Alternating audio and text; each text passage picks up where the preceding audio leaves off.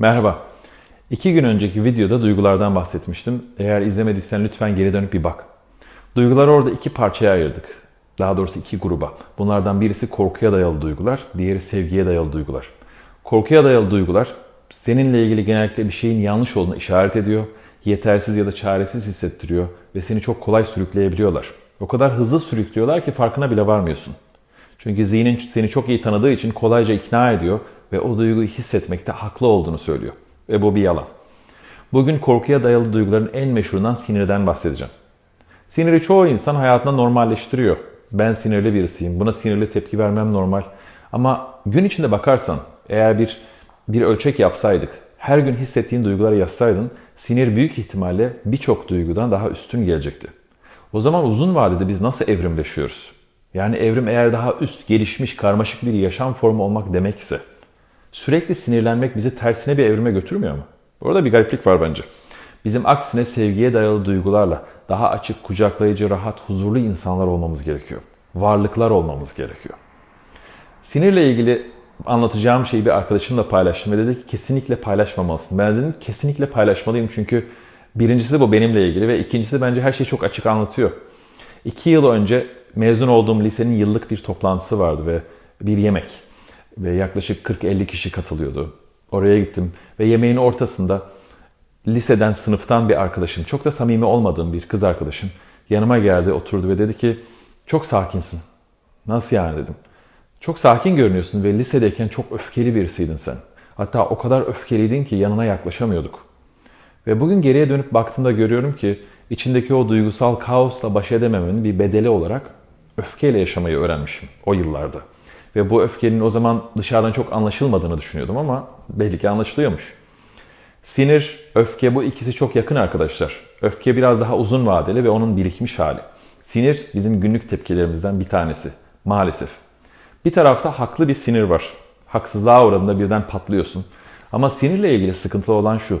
Onu kronik hale dönüştürdüğünde, her gün zihninde çevirdiğinde, yaşadığın olayı bitmiş olmasına rağmen her gün her gün her gün sinirle beslediğin zaman işte orada sorun başlıyor. Çünkü zaten stres seviyeni yükseltiyor ama bence duygusal olarak ve zihninin yapısal olarak bütün dengesini mahvediyorsun. Ve bunu kendi kendine yapabiliyorsun. Aslında sinir kendi başına bir duygu değil. Bu kulağa biraz garip gelebilir. Ama düşünürsen, bir dağın tepesini düşünürsen, bunu niye gösteriyorum bilmiyorum, düşünebiliyorsun bence. Bir dağın tepesini düşünürsen, oraya yağan karlar veya dağın tepesindeki sis, o kendi başına asla var olamıyor. Ya da sis var olabilir. Onu atalım.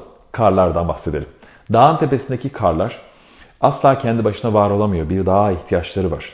Ve bazen baktığımızda manzarada sadece o kısım görünüyor. Sinir aynen böyle bir şey. Onun altında onu besleyen ve kaynatan bir şey olması gerekiyor. Peki ne var onun altında? Çoğunlukla birikmiş öfke, bu haksızlığa uğramışlık, yanlış yapılmışlık, anlaşılmamışlık duyguları, çaresizlik bunlar aynı şekilde yansıtıyor. Ama hepsini toplarsak acı çıkıyor. Bu derin bir üzüntü veya bu saydığım şeylerin birikimiyle oluşan bir acı. Peki biz bunu nasıl fark etmiyoruz? Çoğunlukla sinirle yaşayan insanlar bunu o kadar otomatik kullanıyorlar ki daha sinir, daha o acıyla temasa geçmeden sinire dönüşüyor ve kolayca dışarı yansıtıyoruz. Bunun bir avantajı eğer sinirleniyorsan enerjiyi dışarı atabiliyorsun. Dışarı atıyorsan bazen birisini suçlayabiliyorsun veya bir şeyi. Ayağına takılan bir taş, sana çarpan bir araba, hava durumu, doların yükselip inmesi veya birisi çay getiriyor ve çayını beğenmiyorsan bütün öfke oraya çıkıyor. Ama bu kesinlikle seninle ilgili sevgili dostum. Ve sen onu dizginlemeyi öğrenmezsen bir süre sonra o seni yiyip bitirecek. Ve bir gün bu dünyadan ayrılırken sinirli bir insan olarak öleceksin. Umuyorum o tarafa hiç gitmeyiz. O zaman şimdi biliyoruz ki sinir tek başına bir duygu değil. Arka planda onu besleyen bir şey var. Bazı insanları bu sinir duygusu kolayca avlıyor. Bu yüzden büyük ihtimalle ya uyanamayacaklar ya da çok geç uyanacaklar. Ama sen hali hazırda buradaysan içeriye dönüp bakmayı öğrenmeye başlayabiliriz. Sinire yol açan bazı duygular geçmiş yaşanmışlıklardan geliyor. Ve onlar için belki bir yardım alman iyi olabilir. Çünkü zihin her şeyi hatırlamıyor ve onlar üzerinde uzun uzun çalışman gerekiyor. Bazıları yakın zamanda olan ama sindiremediğin dediğin şeylerden oluyor.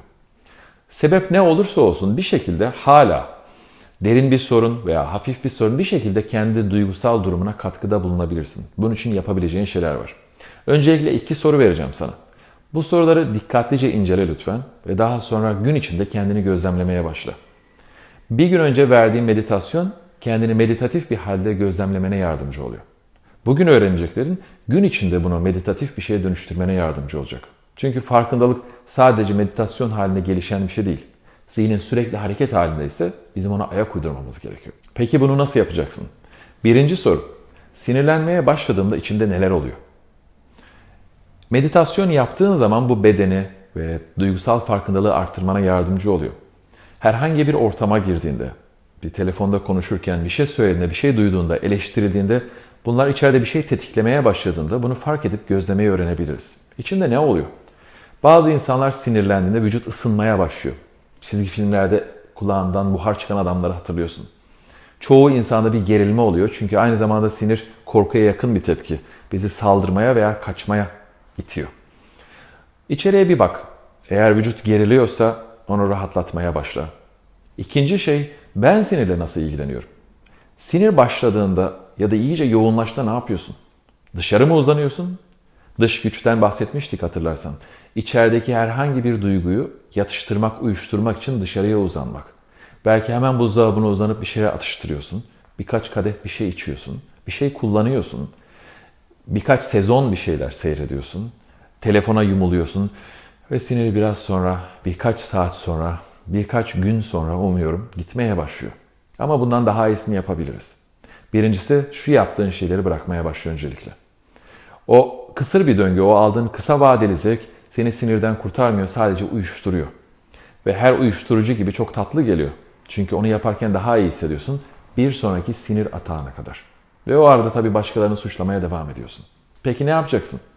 Yapabileceğin en iyi şey içeri döndüğünde bedeni gözden geçirmek ve o sinir gelmesine rağmen birincisi onu ifade etmemek, ikincisi bir bir gözlemci gibi onu izlemek. Yani bu halde kalmaktan bahsetmiyorum ama eğer geliyorsa rahatla ve göreceksin ki içinde bir şeyler değişiyor, akıyor. Sen sinirin kendisini ifade ettiği bir araçsın. Ama ona uymadan, dürtüsel olmadan da hareket edebilirsin. Sinir genellikle seni dürtüsel, tepkisel, mantık dışı bir davranışa sürüklüyor. Bir sinir krizine ona bir bak. Trafikte bazı insanları görüyorsun. Bir iş adamı ya da dışarıdan saygın görünümlü birisi kendini kaybediyor ve sonra kavga ediyor ve üstü paramparça hale geliyor. Ve en sonunda söylediği söz çok anlamlı bence. Diyor ki kusura bakmayın kendimi kaybettim. Her sinirlendiğinde kendinden biraz daha uzaklaşıyorsun. Ondan sonra geri dönmek zorlaşıyor. Yeterince fazla sinirliysen bir süre sonra geri dönemiyorsun. O gerçekten kendini kaybettiğin yer. Budizmde Shenpa diye bir kavram var. Bunu dinden bağımsız olarak bir egzersiz olarak düşünebilirsin. Shenpa seni kolayca avlayan bu enerjiye deniyor. Sürekli seni korku, utanç, suçluluk, öfke, bağımlılığa sürükleyen o, o tuzak enerji, o sinsi şey. O kadar kolay tetikleniyorsun ki orada zihnin yakalayamıyor onu. Ve orada yapmak istediğin şey birincisi meditasyonda kendini gözlemlemek, duygu dünyanı anlamak, o coğrafyayı iyice ezberlemek. İkincisi gün içinde özellikle seni sinirlendiren anlarda kendini yakından gözlemlemeye başlamak, merakla izlemek.